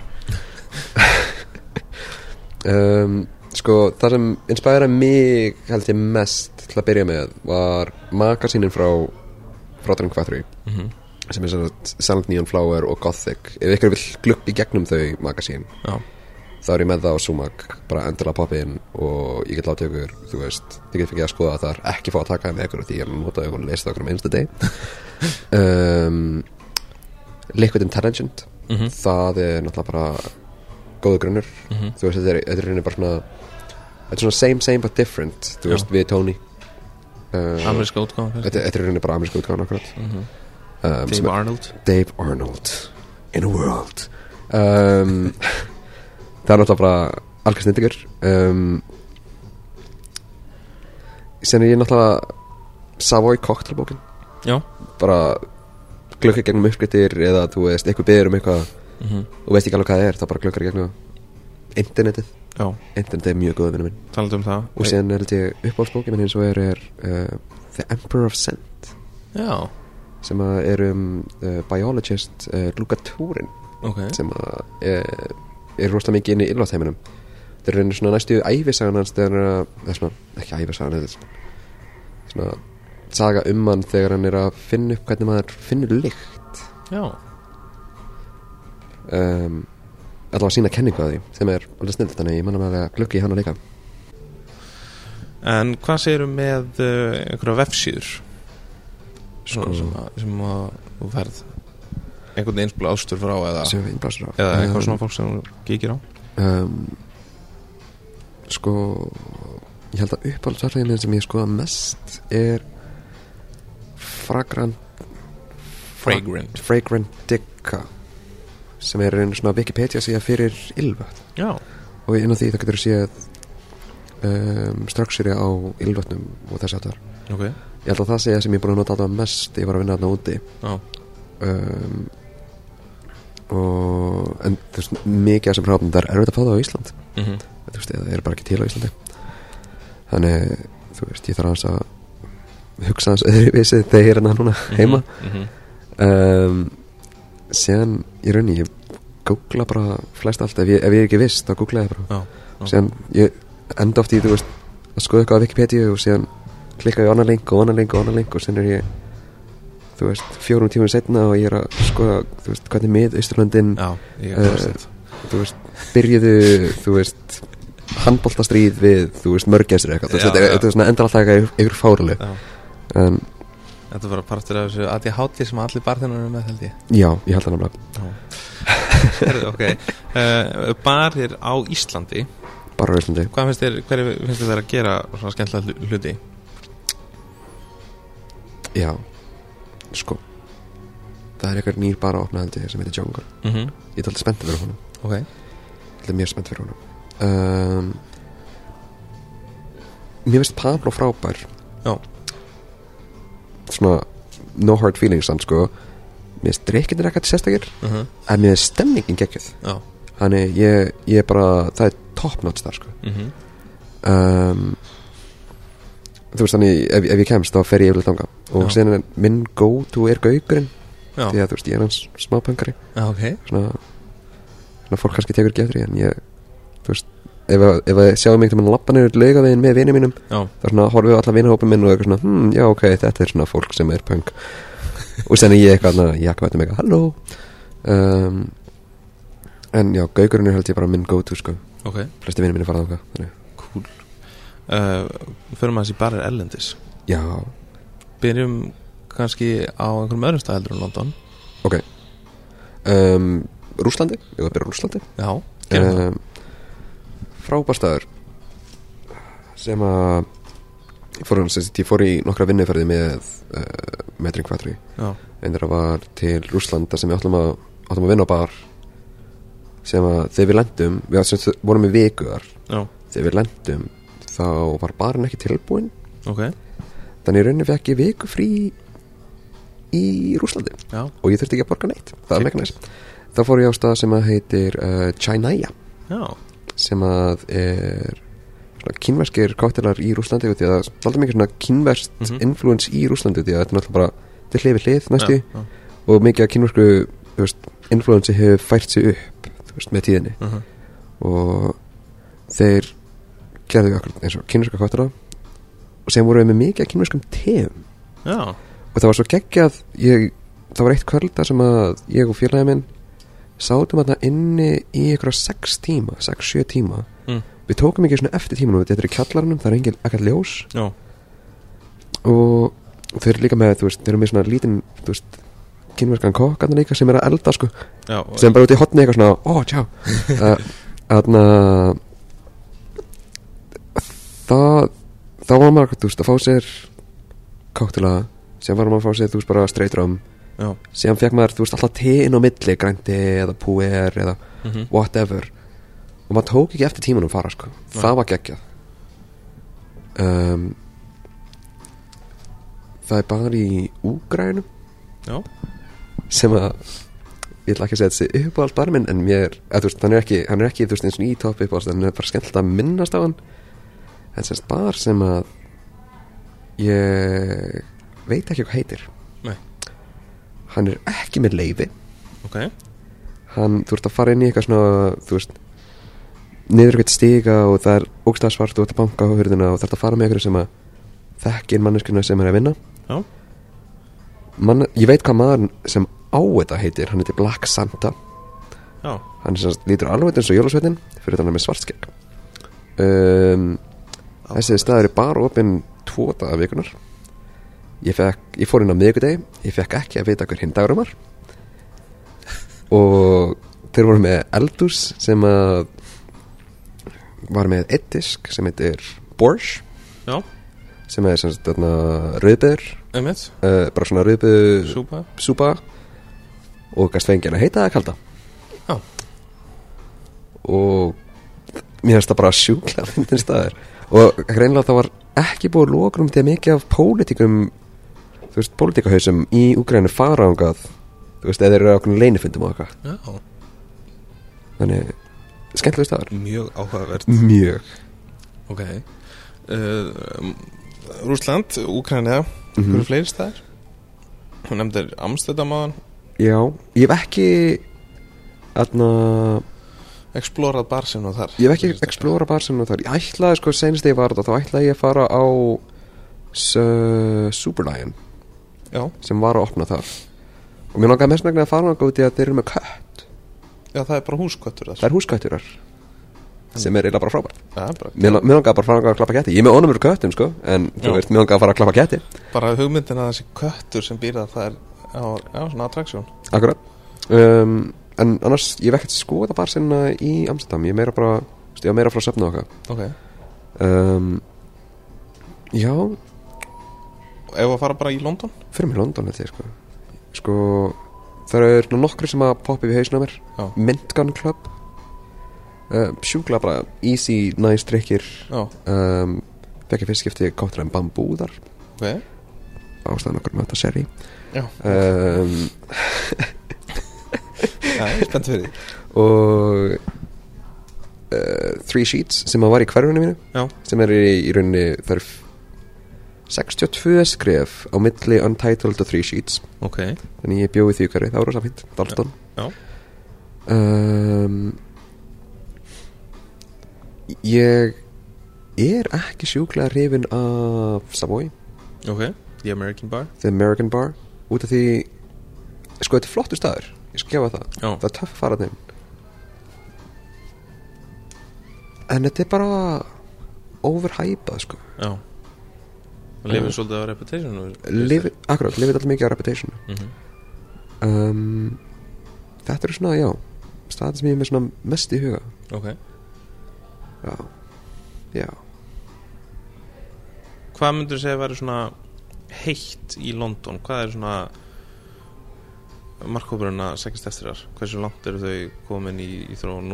Nefnir þau svona alveg high class koktelbari þennan séð já sko Koktel yfir höfu eru rísa stóri í, það sem í London. það sem að fólk er að dettina núna er easy drinking neighborhood bars. Ok, þú veist, þetta er ekki þetta er ekki destination, þetta er bara þetta er nágrinnið já, það var allir mikið að dettin í tísku sko, og það er akkur það sem Three Sheets sko, er, að, er, að, er að taka bara geggjaðan kurs í því sko, bara að vera með einfalda drikki sem að þú þarft ekki að pæla ómikið í mm en þú pælir samt nóg mikið í þeim en það tröfla ekki samræðinu einu -hmm. þannig það er það sem bara það er snilt sko. En bara standardin er, er hár og góður drikk og þú veist, þú þarft ekki þú veist, það var ekki garnish Nei. á flestu. Ok, garnish er bara, ég held að garnish er bara dætt út í tísku eða þú veist, eða kannski ekki dætt út í tísku það er meira það er viss stíl mm að vera með garnish. Já. þú veist, þú getur verið að fara á Gibson og fengi garnish Mhm. þú veist, ef að fólk veit hvað Gibson er googlið annars. -hmm. um, þú veist, þá færi garnish. En síðan eru þessi bari sem að eru bara ekki með garnish. Mhm. en drikkitir eru bara frábærir. Er því meira. Nokkulega Svo er náttúrulega önnur hlið á þessu. Uh, og það er þjónusta. Já. Sko í, í sagt, fyrsta tætti af uh, fyrir framanbarinn sem er liður mm. þar sem að ég fæ eins og veist fólk svona sem kemur uh, bara alls ekki uh, úr veitingabrásanum Mm. og það svona segir uh, sína skoðun á, á, á veitingabrásanum hvað, hvað svona ég raun bara hvað, hvað gestum finnst gott að drekka og hversu langt langar svolítið að sjá hversu langt markkópurinn á Íslandi er komin Mm. Það var hún Júlíana Sara leikona sem kom til mín og hún nefndi það að henni þykir oft barþjónar ekki gefa sér nægilega mikinn tíma. Til að ákveða. Já, til að sko þjónusta gestina sína. Þú veist, þeir eru Já. kannski vera já, hún vildi hún svona sóttist eftir því að, að, að barþjónar myndi gefa sér meiri tíma í svona útskýra hlutina og, og þú veist, og þess og þar ég held að ég veit bara nákvæmlega hvað, hvað það er máli já, undirmennum að börn já, það, það er illa skipulagt mikið, mikið að stöðum. Og þetta gerst ekki í London. Þú veist, ef að barþjóðnin hefur ekki tíma til að tala við þig mhm, þá er hann undirmannaðar já. Þú veist, það þarf að vera þú veist, þó að það sé ekki eitthvað sjúklega busy að vera með tvo barþjóna. Já, þú ert að fara að fá stennan kuna aftur og aftur stæðan fyrir að vera einn af barnum smasur ykkur um drikkjum mhm, þú getur ekki eins og talað við fólk sem situr á barninum það er ræðilegt já talandi um það sko að því inn í end, nú ætla að tala nú er búin að tala hellingum um bröð og svo leiðis mm en oft svona eru og þetta er svona kannski svolítið mikið hjá yngri barþjónum og svona reynslu minni barþjónum þeir einhvern veginn sjá bara bröðin, koktelana viðveruna í kringum allt þetta áfengi. Mhm. finnst það einhvern veginn bara aðladrið en inn í end þá snýst þetta náttúrulega um gestin þetta, þetta snýst allir gestin Já, og hvað, hérna, hvað finnst þér einnkjana góðan barþjón? Góða barþjóðin er bara manneskan sem að tala við gestin Mm -hmm. hlustur á saman að segja. Og þegar hann kemur aftur þá spyrir hann úti hvernig það var veist hvernig var leiksýningi sem fórstu um daginn? Já, þú veist saman þó að þetta sé veist hvort, þetta, hvort hann heiti Stjáni eða Stína eða já, whatever. Það er bara stíð og kemur ég er búin að fá núna senstu búin að vinna frá þriði degi núna ég er búin að fá sama mannin komið inn á barinn hann er, búin, hann er þetta fyrir Airwaves. Mhm. Hann er bara búin að koma aftur og aftur situr alltaf bara barnum bara hann labbar inn, sest á barinn Mhm. segir hæfi mig ég kem bara, þú veist, með glasa pínu fyrir hann hann er bara tilbúið, Mhm. þú veist og þú veist, eins og hann, hann er ekki mikið að spjalla Nei. en hann vill þetta Mhm. sen, þú veist, aðri gesti þess að var eins og í gær, þá var ég að spjalla að gest sem að, þú veist, hafði rosalega mikið áhuga þú veist, á að blanda drikki sjálfur Já, og ég bara spyr hann út í hvernig hann glir drikkina sína og þú veist, við vorum bara svona að hafa samræðið fram og tilbaka. Þetta er bara svona litli hlutir, sko. Já. Já, fyrir mér þá, þú veist, þú ert það sem að, svona, er þér svolítið í hag, finnst mér. Og það svona endur speglað svolítið í, í því hvernig þú vinnur á bakuverðin að þú ert með þetta þjónunám, já, skilur við þú ert nú þegar með gífulega reynslu í gestrisni, skilur við Mhm. og í, þú veist, hvernig þú átt að koma fram við, hérna, gesti og, og þú veist, hvernig maður á að tala eins og segir, þú byrjar að spá í þessum hlutum bara þegar þú varst 12 ára gammal í akkurat.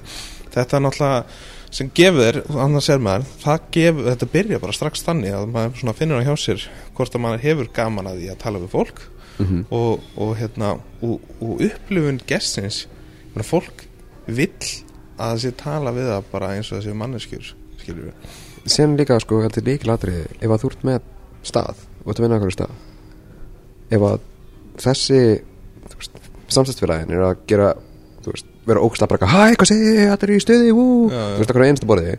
Sér eftir þú, að- þú er svona fín eitthvað svona, hm, hm, hm, Mhm. þú veist, talar ekki mikið.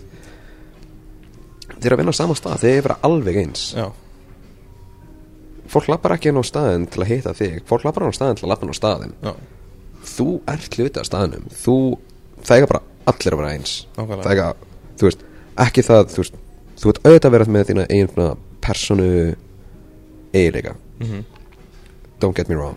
En in the end þá þarf þetta svona alltaf harmona saman. Mhm.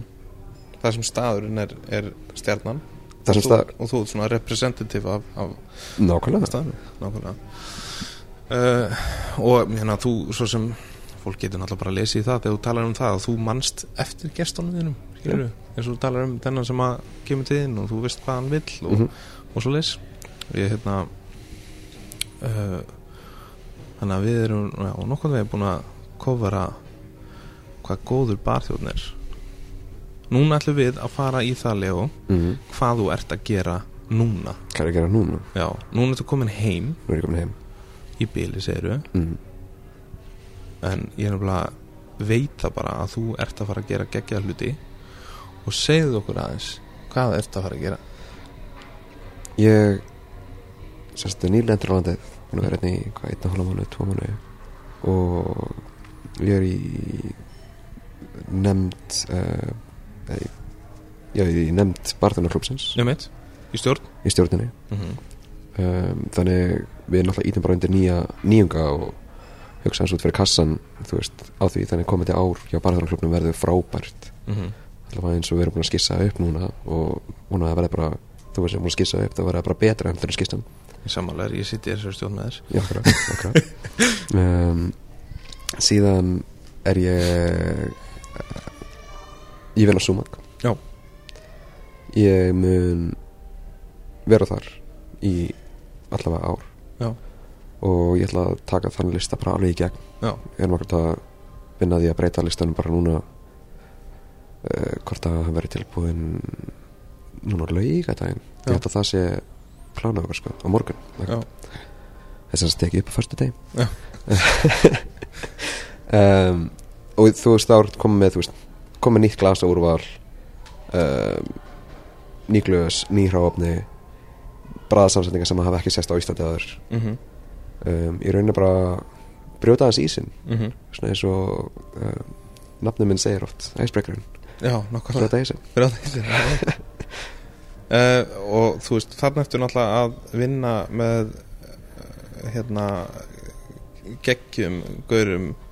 Þeir eru snillíkar uh, sem að náttúrulega, þú veist uh, þá eru að tala um aðlega náttúrulega þá er ég kannski að meina kokkana sem eru það, en auðvitað er, ég hitt starfsfólki náttúrulega framhanskrandi líka, en ef við tölum aðeins um bara, veist, þráin. Við erum með þráin, við erum með kokka. Kokka, þú veist, Eh, haffa.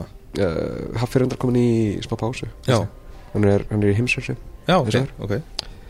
Uh, við erum með Tomma sem alltaf yfir Sumak.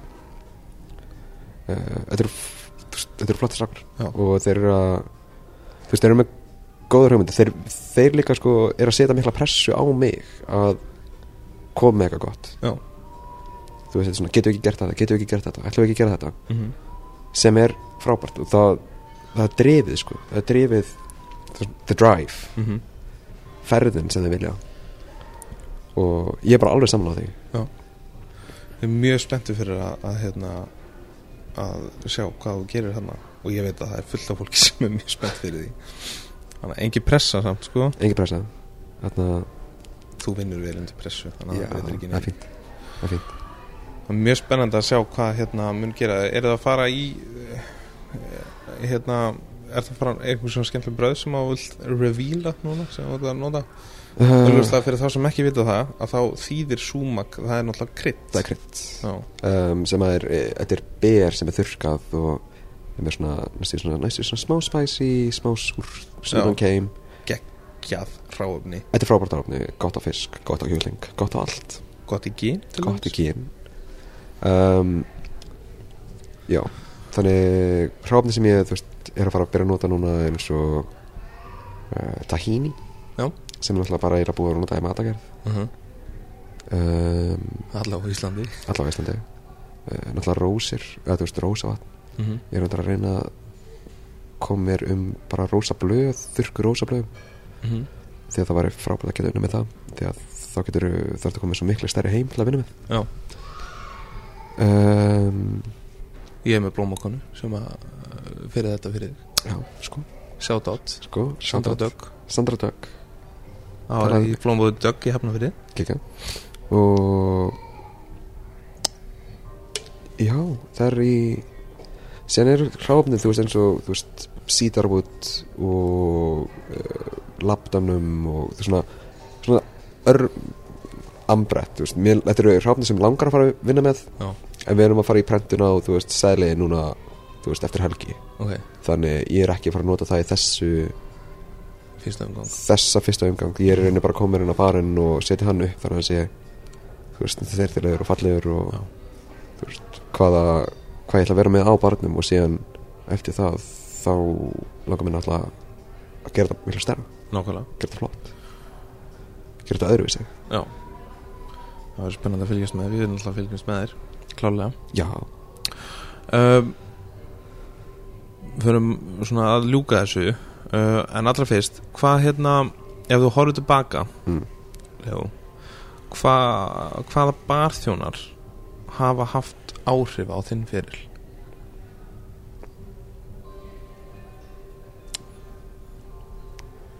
The Wise Man. Já, það er bara Nei, hann, hann, hann hefur hann íttir orðslega mikið að þessi drengur, Já, fyllari maður sem Já. að situr undan leina mér. Já, hann íttir orðslega mikið undir uh, hvað ég er að gera í dag. Takk fyrir það. Um, Leo Ólafsson íttir líka undir mikið. Mm -hmm. um, gaman að því, hann er í Danmörk ef ég er réttur mér. Já. Um, Demi? Já. hann sá um, uh, laboratóriið uh, hjá Drengvatri hann er frábær og kendi mér úrst mikið. Uh, Mattías Inglemann hann vinnur í uh, Fraklandi núna í París. Ok. Á stað sem heitir Le Grand Vœu. Mm -hmm. um, hann var að vinna með mér á Untitled í alveg 8 eitt ár. Já. og samaður algjörsnýttingur Ok. Þetta er, þetta er svona nöfni sem að held ég já, ég næ svona mest í sko. Mm Já, ég tek því, ég er á þessu lista. Já, Herðu, hérna Leo, takk aðeinslega fyrir að koma í hristaran og í uh, happy á hlaðvarpið. Og hérna, það verður spennandi að, að fylgjast með þér. Já, og svo náttúrulega minni enn og aftur á að, að við munum byrta inn á væsmenn.is og má lesa meira um, um hérna, þetta viðtal og það sem að í kom fram. Uh, Þangar til næst. Gæti læst ha, í öðrum heimi. Í öðrum heimi.